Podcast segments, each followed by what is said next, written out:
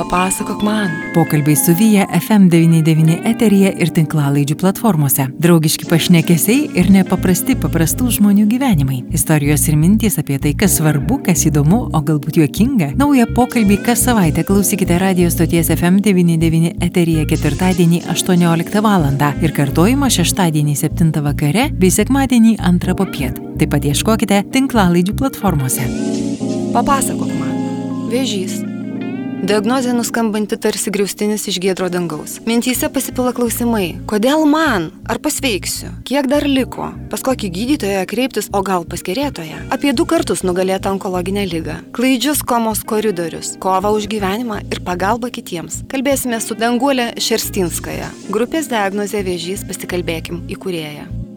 Papasakok man. Pokalbiai su Vyja FM99 eteryje ir tinklalaidžių platformose. Draugiški pašnekesiai ir nepaprasti paprastų žmonių gyvenimai. Istorijos ir mintys apie tai, kas svarbu, kas įdomu, o galbūt juokinga. Naują pokalbį kas savaitę klausykite radio stoties FM99 eteryje ketvirtadienį 18 val. ir kartojimą šeštadienį 7 vakare bei sekmadienį 2 popiet. Taip pat ieškokite tinklalaidžių platformose. Papasakok man. Laida iš dalies finansuojama spaudos, radio ir televizijos rėmimo fondo. Labas, čia Vyja. Ir papasakok man. Čia e, šiandienos laida yra ypatinga tuo, kad e, vasario ketvirtą dieną yra minima pasaulinė kovos su vėžiu diena. Vėžys, kaip ir kalbėjau, kaip ir kalbėjau savo anonse daugam nuskamba kaip nuosprendis. Kyla daug įvairių klausimų ir tikriausiai žmonės tiesiog nežino, kur jų, kur atsakymų į tuos klausimus ieškoti. Todėl šiandienos a, mano pašnekovė, Danguolė, a, yra tinkamiausias turbūt žmogus atsakyti į, tuos, į tą daugybę klausimų, ka, kurie kyla išgirdus diagnozę, dėl to, kad ji pati yra patyrusi šią lygą, du kartus ją nugalėjusi ir sukūrusi Facebook, socialinio tinklo Facebook grupę Diagnozė vėžys. Pasikalbėkime, kodėl jį ją sukūrė, kas toje grupėje vyksta, kokie žmonės bendrauja ir iš viso. Ką reiškia išgirsti tokią diagnozę, kalbėsime su Danguolė. Labas, Danguolė. Labas. Danguolė. Aš pirmiausiai, tiesiog aš žinau, kad laiko mes turime nedaug. Mes turime tik valandą pokalbiui, o norisi sužinoti labai daug. Taip. Tai iš karto puolu prie tavęs ir, ir noriu paklausti.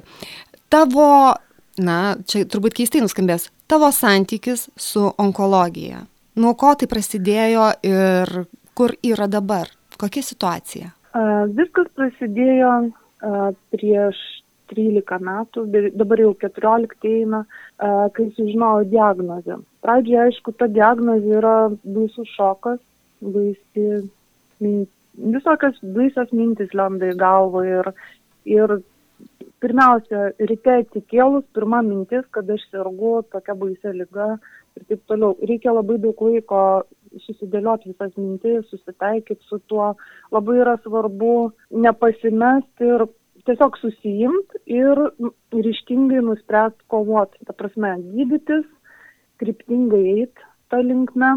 Mano vėžys buvo krūties vėžys hormoninis, toks vienas iš lengvesnių, tačiau be abejo reikėjo ir operacijų, ir chemoterapijos, ir švitinimo, viską per ką praeina beveik visi onkologiniai ligoniai. Danguolė, tai dabar, tai dabar Taip. klausimas toks. Aš žinau, e, šiek tiek irgi domėjausi, kalbėjausi, aš žinau, kad, ta, e, kad būtent tas žodis vėžys ar net ta lyga vėžys, tau Taip. nebuvo, kaip čia pasakyti, visai negirdėta, iš negirdėtos sferos, nes tu turbūt savo darbiniai veikloje buvai su tuo susidūrusi anksčiau, ar ne? Taip, aš kažkada tai jaunystėje iš karto po vidurinės taip susiklosti, kad papuoliau dirbti į priešvėžinę laboratoriją. Visai, ta prasme, dirbau, domėjausi, man labai patiko, e, kaupiau įvairiausias žinias ir visiškai negalvojau, kad tai palies mane. Nes dauguma žmonių nesitikė, kad jie patys susirgs. Jiem atrodo, jie žino, kad tokia lyga yra, kad daug kas serga, kad egzistuoja, bet niekad neatrodo, kad pats susirgsi, visada atrodo, kad tave aplenks. Ir iš tikrųjų, kaip buvo minėta, kiekvienas užduoda klausimą, kodėl aš, ką aš netaip dariau, kas ne taip ir, ir panašiai įvairių klausimų kyla iš tikrųjų susirgus. O ką reikia daryti? Gerai, aš sužinojau, ar ne? Aš sužinojau, sakykime, kad aš sergu arba mano artimas žmogus serga.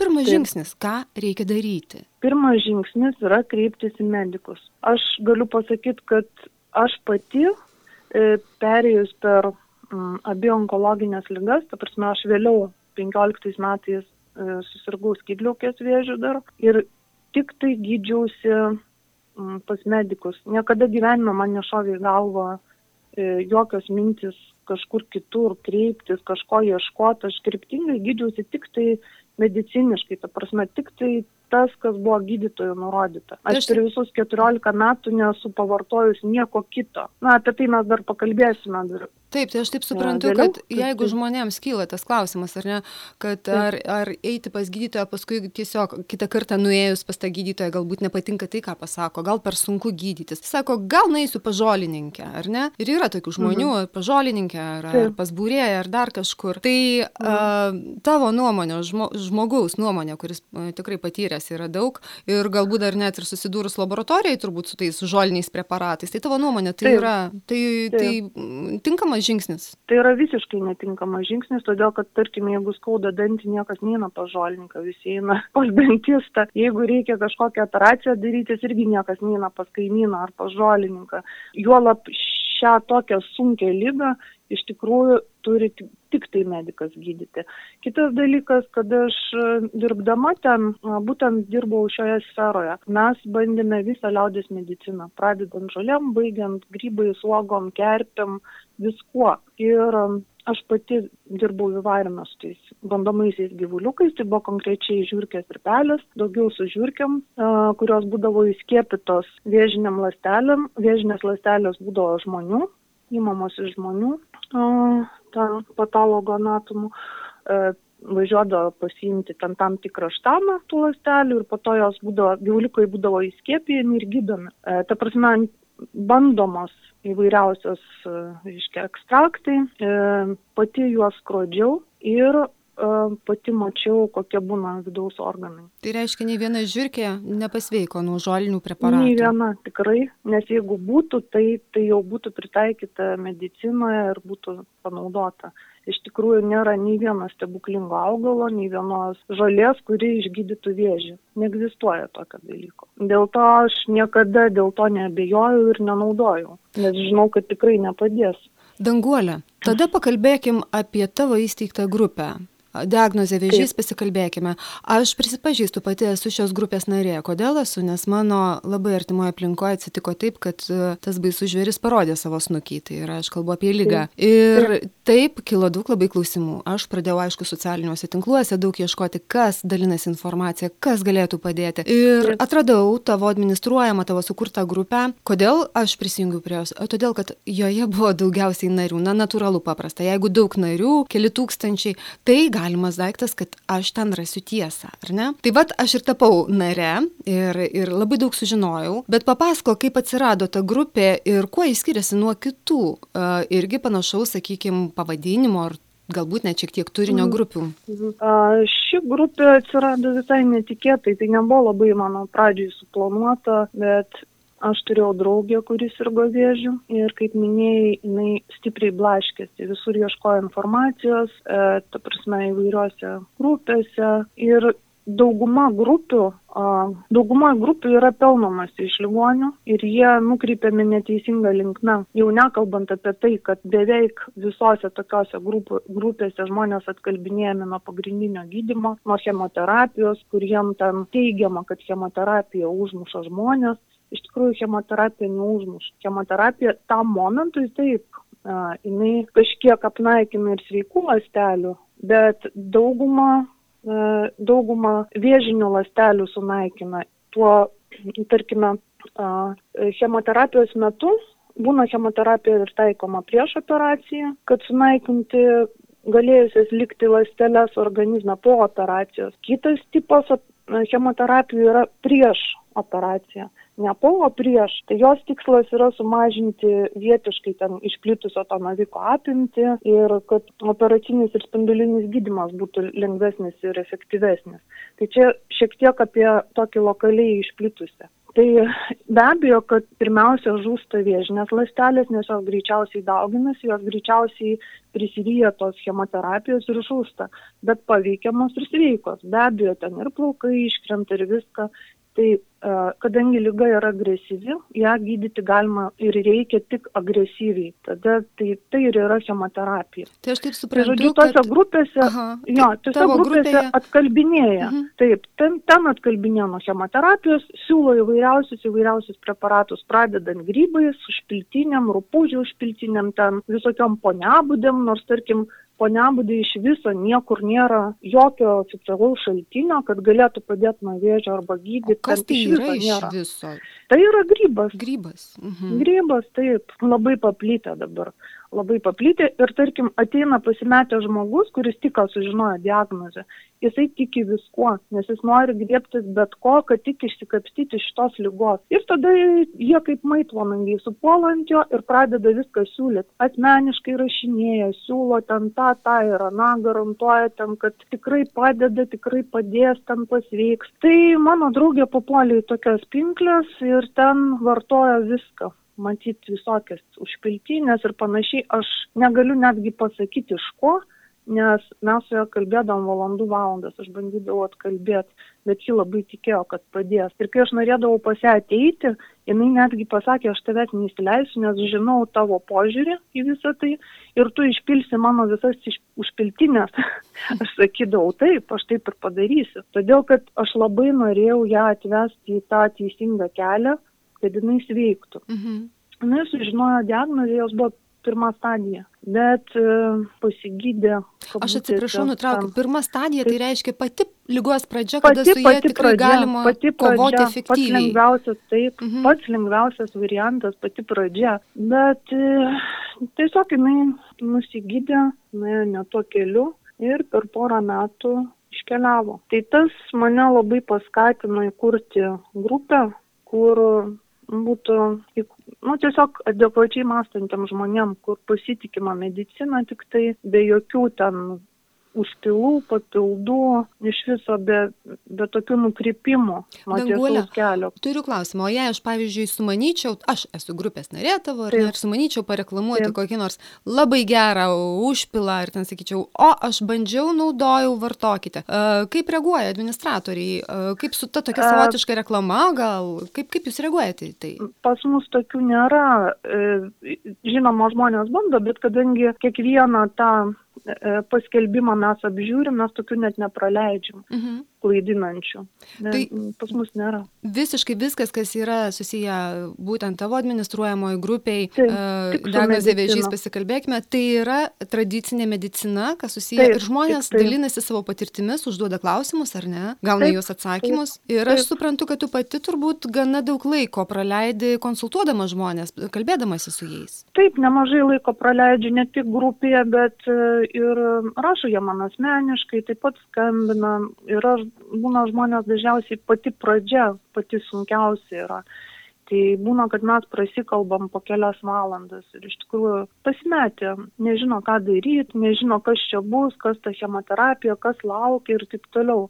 O žiūrėk, man atrodo, aš dabar mes kalbamės ir aš tiesiog e, galiu pasakyti labai tiksliai vardinti tai, ką tu veiki, tai yra savanorystė. Realiai tai yra savanorystė. Ir aš manau, kad uh, tikriausiai nemažai pasitaiko ir tų žmonių, kurie tave savotiškai nekenčia, nes sėkėjų tu turi daug, ar ne, grupė narių yra daug ir garantuoju, kad yra ir tie, kurie bando tave kažkaip kažkaip apšmeižti ar ne kažką tokio netinkamo kalbėti. Ar yra? Žinoma yra, nes ateina ir tie, kas nori platinti, nes mato, kad čia yra neiššauktų daug.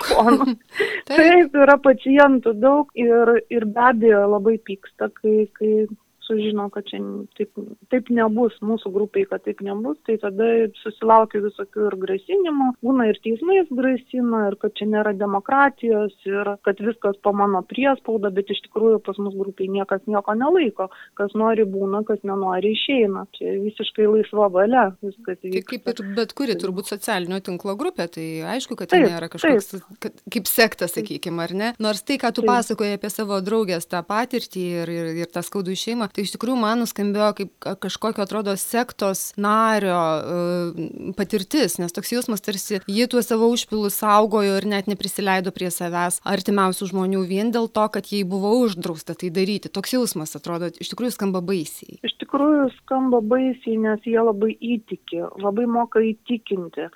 Ir, ir, ir tai yra labai skaudu. Nes iš tikrųjų tas žmogus būna pasmerktas pražučiai. Ir tarkim, jie net nežino, kad mirė ten vienas ar kitas jų klientas, kuris pirko ten papildus, užpil, užpilus ar dar kažką. Jie platina tą toliau, nu, žodžiu, nežinau. Mhm kas turi būti pas žmonės su sąžinė, kurie naudojasi tokiais pasimetusiais sergančiais žmonėmis. Na, akivaizdu. Tai yra baisiausias dalykas. Taip, tai yra pelnymasis iš žmogaus nelaimės. E, Taip. Grįžus dar į tą pačią temą, kai, na, ištinka ta nemaloni naujiena, kai tu sužinai, kad tu Taip. sergi, šeimoje yra sergantis žmogus. Nors girdėjau vienos psichologės irgi pasakymą, kad nereikėtų sakyti, jog tai yra sergantis žmogus, o reikia sakyti, kad sveikstantis, jeigu jis pradėjo gydytis. Nors tai, Taip. na, žodžių žaidimas, sakykime, bet e, žiūrėkim tiesiai į akis, vadinkim turbūt viską taip, kaip yra. Šeimoje yra žmogus taip. turintis tą diagnozę. Kaip aš taip. turėčiau bendrauti? Ką aš turėčiau daryti? Kaip turi reaguoti artimieji? Kaip tu manai? Artimieji dažniausiai būna labai pasimetę, nes jie ir draugai, ir, ir šeimos nariai, nes jie nežino, ką reikia sakyti, kaip reikia reaguoti, kaip reikia elgtis. Iš tikrųjų reikia elgtis taip, kaip elgėsi iki tol, natūraliai nes tuo metu žmogus labai jautrus tampa ir, ir, ir jam labai skaudu, kai tarkim yra kategorija žmonių, kurie viskas, jiem nuskambėjus tą diagnozę vėžys, jie iš karto laidoja tą žmogų, nesvarbu nei kokia stadija, nei kad dauguma žmonių pasveiksta, jie iš karto jau ateina ir viskas, jau akise chrizantemos jau laidoja. Tai yra labai labai skaudu, nes kiekvienas žmogus tiki, kad jis pasveiks, kad jisai išgyvens, kad pasieks remisiją, tai šitaip elgtis jokių būdų negalima. Jokių būdų. Reikia kaip tik skatinti žmogų ir, ir, ir žodžiu, nei verkti, nei, nei ten rypaut prie jo dėl to, kad, kad žmogus išsigandęs ir pasimetęs ir jeigu visi aplinkui pradės jau jį gyvą laidot, tai iš tikrųjų bus, bus labai sunku. Todėl reikia elgtis natūraliai ir, tarkim, nepulti kraštutinumus, nes būna kartais prasideda visoks absurdo teatras, kai pradeda pernelik linksmai aiškinti, kad viskasgi čia gerai, tuoj bus viskas gerai arba viskas tau bus gerai ištisai kartoja. Tai nu, koks bus gerai, niekas nežino, kas bus. Ar bus gerai, ar nebus gerai, bet tas nu, tiesiog yra labai nuvalkėta ir banalu. Ir perdėta. Iš tikrųjų, aš kitą kartą galvoju, e, aš susiduriu dabar tikrai pati pripažįstu su e, aplinkinių reakcijom, kurie sako, žiūri tokiam gailiom akim, tokiam į mane, žinai, Taip. kaip būna kaip į tokį valkataujantį šuniuką ir sako, viskas bus gerai, viskas bus mhm. gerai ir man taip norisi, ką nors labai grubaus, huliganiško pasakyti, pasiūsti, sakykim, tą žmogų. Arba pasako, arba tu žinai, dar pasako, tu stipri, tu stipri, tu gali. Mhm. Ir, ir sakykim, tam žmogui, kuris serga, tu stiprus, tu, tu pajėgsi. Po galais aš atsisakyčiau savo tos stiprybės, aš norėčiau būti silpna, kad tik nebūtų tos naštos. Niekas mes neprašym tos jėgos, o kur dėtis, kai atėjo išbandymas, ar ne? Taip. Tai aš kažkaip irgi noriu paprašyti ir tų žmonių, kurie kitą kartą galvoja, pastiprindami pasakysim, kad viskas bus gerai. Mėlyjei, niekas mes nežinom, kaip bus, bet turbūt galima labai gražiai palinkėti. Aš tikiu ir aš labai noriu, kad tau viskas būtų gerai. Ir man atrodo, porą žodelyčių išgelbsti situaciją, ar ne?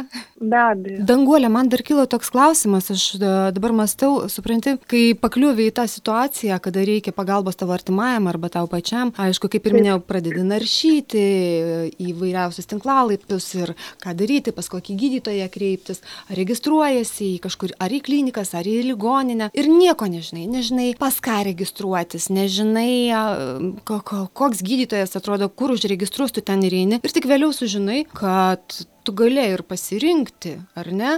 Tai Dangulė, kaip ten būna? Ar tiesa, tu gali pasirinkti gydytoją, pas kurį tu apsilankysi? Taip, taip. Paciento teisė yra pasirinkti specialistą, pasirinkti gydytoją. Ir aš skaitau, kad svarbiausia yra pasirinkti gydytoją su kuriuo yra malonu bendrauti, kuris įsigilina ir kur atsiranda tarpusavio ryšys tarp paciento ir gydytojo nes mm, ne visada, ne visada būna tas ryšys ir ne visada galbūt vienas kitą supranta tiek gydytojas pacientą ar pacientas gydytoją. Todėl čia būtent yra labai svarbu surasti tą ryšį ir tada tvirtai jau eiti tuo keliu ir žinot, kad, kad visada gausi atsakymą į savo klausimą ir tiesiog, kad gydytojas būtų kaip draugas. Gerai, tada man vėl klausimas.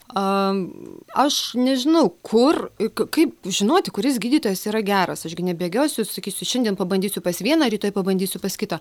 O kur galima gauti tą informaciją, kuris gydytojas? Žinokit, tokios, tokios informacijos nėra, nes vienam, kas yra geras, kitam galbūt labai blogas. Čia yra irgi nu, nėra vienodos nuomonės tarp žmonių, nes vienam tas geras, kitam kitas geras. Tiesiog reikia pajausti, bendraujant su gydytoju, ar, ar yra komfortiška, ar, ar, ar tarkim vienas kito neerzina. Mhm. Mm, o jeigu pasakyti, kaip Taip, atsipra... kaip pasirinkti. Aha, atsiprašau. Pats pacientas turi nuspręsti, ar jam yra gerai, ar jisai pakankamai gauna atsakymų į klausimus, ar pakankamai komfortiškai jaučiasi tam kabinete atėjęs, kad nebūtų taip, kad kiekvieną kartą išeina su ašarom. Čia Danguolė, tai aš dabar modeliuoju situaciją, ar ne? Pakliuvau pas Taip. gydytoją, kur tragiška, kur, kur pikta, bjauri, riekauja. Ką, jeigu aš jas paklausiu, sakau, o kaip man dabar maitintis, ką man valgyti, jeigu aš gaunu che, chemiją, sakykime, jis sako, mhm. jei aš pradėsiu jums pasakoti, man čia valanda nueis, manęs pacientai laukia.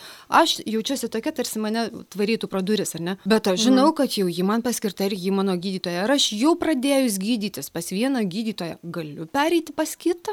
Galima, galima be abejo, tai ir kitas gydytojas kortelį peržiūrės ir tęs tą patį gydimą, aš manau, kad taip. Mhm. O pavyzdžiui, jeigu aš paklausiu, įlysiu į tą, į tą pačią grupę, ar ne, diagnozė vėžys, Taip. ir paklausiu, sakysiu, o jūsų nuomonė kokia, o pas ką jūs gydotės, ar aš gausiu ten atsakymų? A, dažniausiai žmonės klausia, ką patartumėt. Ir, ir labai daug žmonių, tarkim, būna, kad sutampa, kad kažkokį konkretų specialistą, re, ne, nepasakysiu, kad reklamuoja, bet daug kas pasisako už jį, kad tikrai labai malonus, geras, nuoširdus, viską išklausantis. Tai būna.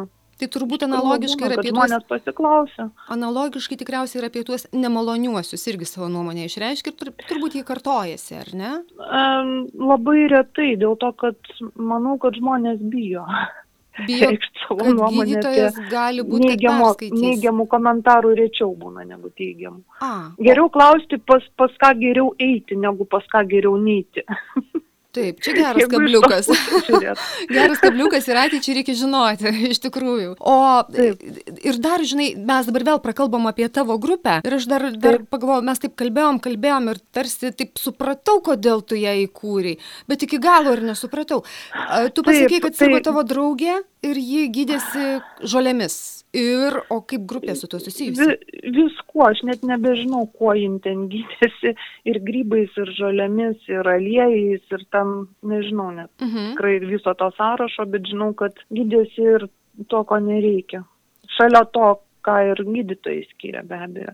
Ir tarkim, aš žinau, kad labai daug žmonių yra tokių ir jie netgi ateina pas gydytoją su progresavusia lyga ir gydytojas išsigandęs žiūri, varto kortelę, kas, kas ne taip, nes gydimas parinktas teisingai, atsakas buvo į gydimą geras ir staiga mato, kad lyga progresuoja, bet jie tiki, tarkim, savo tam nežinau, kaimynais, ten toj grupiai, dar kažkur ten prisiperka, prisivartoja, bet atėjo pas gydytoją, bijo prisipažinti. Ir tada gydytojas negali padaryti, nu, ta, tarkim, kažkokių teisingų išvadų, išvadų mhm. kodėl tas vyksta. Mhm. Jis visiškai nebesupranta, ką tada ar keisti taktiką gydimo ar ką. Dėl to, kad grinai žmogus pats savo rankom susigadino ir bijo po to prisipažinti. Tai, danguolė, tai kaip su ta grupė? Mes vis nukrypstam, nukrypstam nuo temos. Atsiprašau, nukrypau. Bet taip, mhm. tai, tai žodžiu, o, kai jie jau buvo visiškai prastai, jie gulėjo e, ligoniniai, nežinau, matyt, paliatyviosios, vadinasi, skyrius, nes prisikaupė daug skyščių plaučiuose viską. Ir aš jos atėjau lankyti tai buvo trečiadienis, pamenu, o iškeliavo jinai pirmadienį. Bet tą trečiadienį, kai aš ją pamačiau, visą pražylusią, suvargusią, išbalusią, žodžiu, vaizdas buvo labai liūdnas, bet aš to neparodžiau, mes visai smagiai ten pakalbėjom viską. Ir jinai sako, danguolė, sako, aš dabar greitai mane sakė išrašys, aš čia bebūdama pasidariau išvadas ir supratau, kad aš iš tikrųjų visiškai neteisingai elgiausi su savim, bet čia buvo iš pasimetimo. Dabar aš išeisiu iš ligoninės, tavęs klausysiu viską, ką tu man sakėjai ir atvažiuosiu pas tave reabilitacijai, pabūt. Sakau, gerai, žinoma, bet aš šimtų procentų žinojau, kad aš matau ją paskutinį kartą, kad tikrai jau nebetvažiuos, nes matėsi ir tiesiog jautėsi, kad mirtis čia pat. Ir po kelių dienų be abejo sužinojau, kad viskas. Ir tuomet aš apmaščius nusprendžiau, kad iš tikrųjų turiu įkurti tą grupę, nes bandžiau ieškoti, panaršiau, panaršiau, jie jau į vieną, į kitą, į trečią, į ketvirtą ir visur tas pats.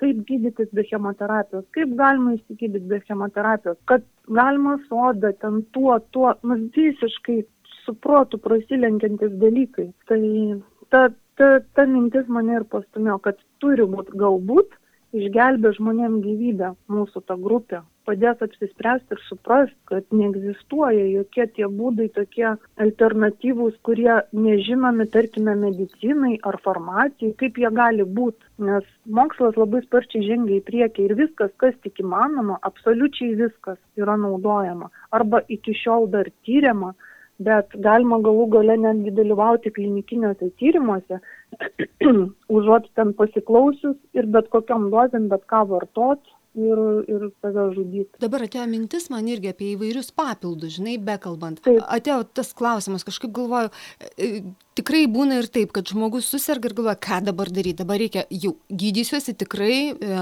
vaistai taip toliau, ką gydytojas lieps, bet turbūt reikia ir vitaminų, antioksidantų, dar ko nors labai tokio ypatingo ir labai brangaus, ką galima įpirkti, nes tai jau tikrai padės mane sustiprins. Tavo nuomonė apie papildus e, stiprinančius imunitetą, pavyzdžiui, ką tu apie tai galvoji? Ar Mano onkologiniam lygom sergantiems? Kiek aš, kiek aš žinau iš medikų, Tai nes aš pati nesu medikė, bet aš labai daug, kadangi domėjausi, klausinėjau, bendravau, man pačiai kažkada buvo įdomu apie tai. Tai e, visų pirma, chemoterapijos metu niekas nieko nereklamuoja, ta prasme nerekomenduoja naudoti, kadangi tuo metu svarbiausia yra, kad chemoterapija atliktų savo darbą, nes jeigu mes e, nueisime į chemoterapiją, gausim tą, reiškia, vaistą, ir kita ranka bandysim kuo skubiau išsivalyti organizmą nuo jo, ten visaip, tai tada kam eiti, nes viena ranka užmušinėt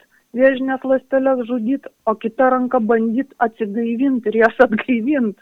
Nu čia taip išeina. Uh -huh. Tai tuo metu geriausiai iš viso nieko nenaudoti jeigu kažko reikia specifinio, jeigu, tarkim, matosi, kad kraujas labai ten nusilps ir panašiai, viską pasakys gydytojas ir viską paskirs arba išrašys receptą. Nes gydytojas gydantis geriausiai žino, ką galima, ką reikia ir taip toliau, tuo metu gydantis. Po gydymosi irgi reikia konsultuotis.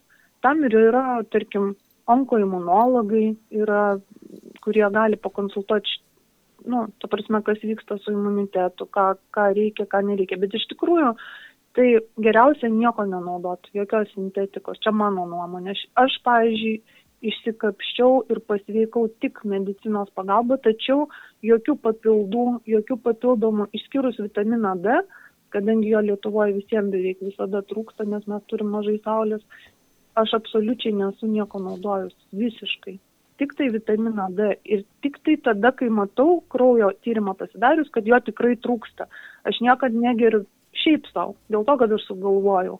Jeigu trūksta, taip, reikia pagerti, nes e, vitaminas D yra labai svarbu e, imuniniai sistemai ir taip toliau palaikyti normaliam lygiai. O dėl aktyvinimo imuninės sistemos, nu, buvo čia toks mitas, kad reikia visą laiką stiprinti, bet kartais tas imunitetas būna kaip tik labai agresyvus. Ir irgi yra priešo, labai blogai. Mhm. Taip, pas mane asmeniškai taip ir yra. Ir, ir mm, su tokiu imunitetu stipriu ir agresyviu, tai gali būti ir net ne paskutinė ta onkologinė lyga. Kai aš kalbėjau su onkoimunologu, jisai sako, būna, kad ir dar daugiau turi onkologinių lygų. Tai čia O kaip nu, suprasti, reiškia tavo... yra pusiausvyra. Tavo imunitetas. Ir tas neatsargus, taip, mhm. tas neatsargus stiprinimas irgi gali padėti vėžiui plisti. Yra apie tai ir e, straipsnių, galima tiesiog susirasti ir paskaityti. Mano yra per stiprus, per agresyvus imunitetas, aš niekada nieko nesirgus, aš tarkim nežinau, kas tai yra gripas. Ir jeigu aš jau susirgu kažkokią lygą, retai, bet čia būna, tarkim, onkologinė, tai tai mano imuninė sistema kolaboruoja su su, Su liga. o, vėžiu. Taip, Mhm, ir, mhm. ir ją, jeigu aš ją dar aktyvinčiau, tai būtų tikrai liūdnai. Ji pradeda kovoti vos ne prieš tave, taip atrodo, ar ne? Taip, Mhm, taip, mhm. taip. Taip. O tada toks klausimas. Vis tiek, jeigu žmogui prireikia, tarkim, pagalbos, e, tam pačiam, aš nežinau, e, ligoniui, e, konsultacijos, jo artimiesiems, ar ten to paties teisininko gal net kitą kartą reikia konsultacijos, ar yra kažkur, Taip. kažkokia vieta, kur galima būtų pasikonsultuoti? Taip, Nemokamai? Yra, taip, yra pagalbos onkologiniams ligonėms asociacija Pola, kur yra nemokamos konsultacijos. Tai yra teisinės konsultacijos nemokamos onkologiniams ligonėms ir jų artimiesiams. Yra e, psichologinės konsultacijos. Taip pat gali, ten galima gauti a, papildomą informaciją apie vykdomus klinikinius tyrimus. Nes kartais būna tokia situacija, kad kaip ir visos galimybės išsemtos, išbandyta tas, tas, tas ir kaip ir atrodo, kad nu, nebėra ką bandyti, o lyga progresuoja. Tada galima eiti konsultuotis, tarkim, arba sudalyvauti kažkokiam klinikiniam tyrimė, arba susižinoti, kokios yra papildomos galimybės gydytis užsienyje. Galbūt ten yra kažkas, ko pas mus nėra. Tai čia, aš manau, yra iš tikrųjų labai didelė pagalba, nes viskas tas yra nemokamai. Taip pat yra išduodama polo kortelė, su kuria galima, ten yra sąrašas, kas, kas remia ir, ir kur galima gauti nuolaidą su ta polos kortelė. Tai viską galima susirasti polos tinklapyje ir, ir tam, ta prasme, užsiregistruoti ir kortelę gauti ir, ir tas konsultacijas užsiregistruoti ir paskambinti telefonas. Ir... Bet Mhm, tai aš Dar kitas dalykas, kad, pavyzdžiui, jeigu dažnai būna, aš dabar iš tikrųjų nežinau, kokia situacija yra karantino metu, greičiausiai, kad nieko neįleidžia šiuo metu kartu su, su onkologiniu ligoniu, o gal galima su gydytojus starus. Bet šiaip, kol nebuvo karantino, tai jeigu žmogus yra, tarkim, pagyvenęs arba matosi, kad jis visiškai sustresavęs, tai geriausia, kad kažkas iš šeimos narių eitų pas gydytą kartu ir viską išklausytų ir užsirašytų, nes būna, kad pats žmogus atėjęs, jis antiek stresuoja, kad jis visiškai neatsimena, ką kalbėjo gydytojas. Nebežino, nei kiek kartų ta chemoterapija bus taikoma, nei ką reikia padaryti, nei, nei iš viso nieko nebeatsimena. Čia streso pasiekoje. Todėl labai gerai būtų, kad kažkas tai palydėtų, viską užsirašytų ir, ir ta prasme, ir užduotų kažkokius klausimus, kas aktualu.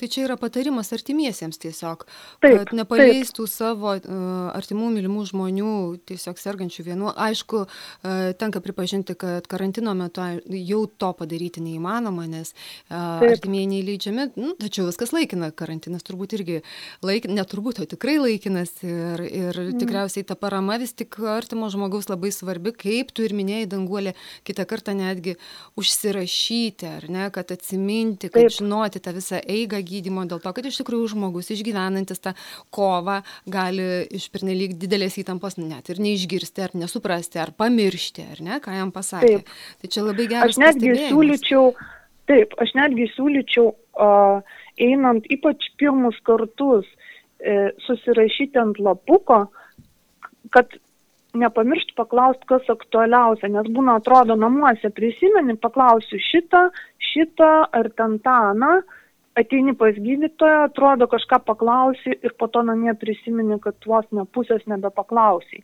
Todėl geriausia užsirašyti ir tuos aktualiausius klausimus, kuriuos nužadė užduoti gydytojai. Čia, žinai, kaip su pirkinių sąrašu į parduotuvę Taip. einant. Reikia Taip. viską stebėti. Dangulio, aš dar klausimą turiu. Tu perėjus daug, tu iš tikrųjų mes vat, ne, net, nespėjom net aptarti, kad tu ir komoje esi pabuvojus ir, ir kit, Taip. praktiškai anapilį pabuvojus. Bet e, lyga, du, du kartus sugrįžu, ta prasme, du kartus sirgai onkologinė lyga ir aš klausau Taip. tavęs. Jauna, a, optimistiška, maloni moteris, pilna tokio, sakyčiau, to gyvenimo energijos. Kur tu jas emiesi? K- Kaip nenuleisti rankų ir tiesiog nepasiduoti?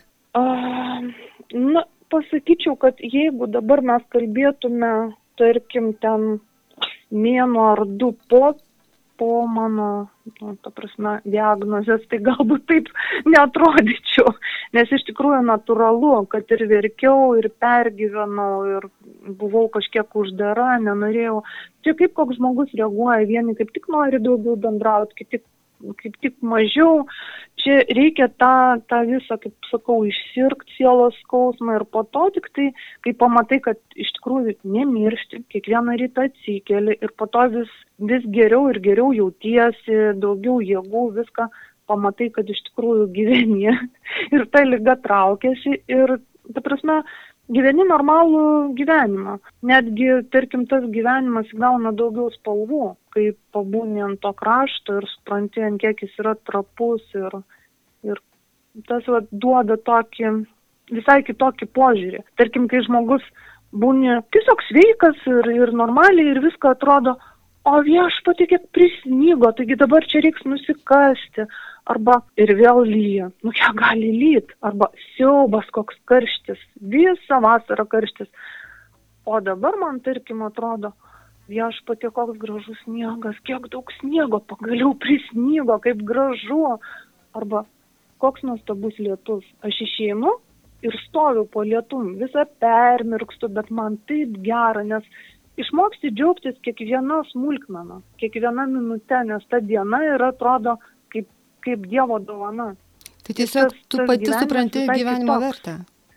Taip, taip. Mhm. Ir šiaip, aš nežinau, aš kiekvienas matyt turi savo hobį, kažkokį, kažkokį savo malonumą tenai. Aš e, panirau į meną ir, ir man tas, mane labiausiai tas atpalaiduoja, aš dabar tik kuriu, kuriu, kažką darau, tapau.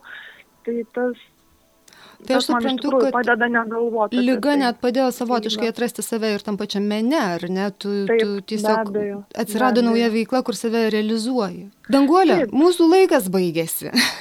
Mes prakalbėjom ko ne visą valandą ir žinai, aš labai dėkinga.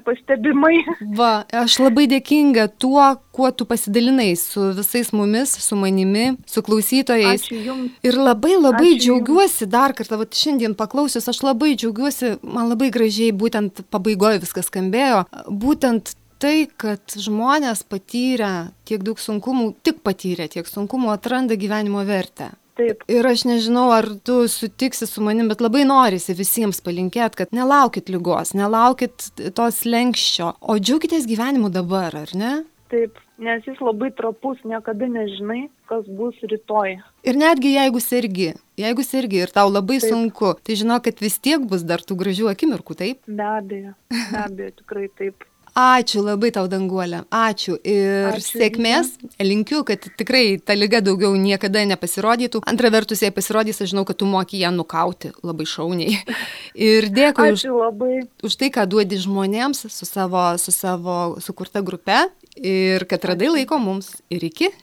Ačiū, ačiū klausytams. Iki. Papasakok man. Pokalbiai su Vyja FM99 eteryje ir tinklalaidžių platformose. Draugiški pašnekesiai ir nepaprasti paprastų žmonių gyvenimai. Istorijos ir mintys apie tai, kas svarbu, kas įdomu, o galbūt juokinga. Naują pokalbį kas savaitę klausykite radio stoties FM99 eteryje ketvirtadienį 18 val. ir kartojimą šeštadienį 7 vakare bei sekmadienį 2 popiet. Taip pat ieškokite tinklalaidžių platformose. Papasakok man. Laida iš dalies finansuojama spaudos, radio ir televizijos rėmimo fondo.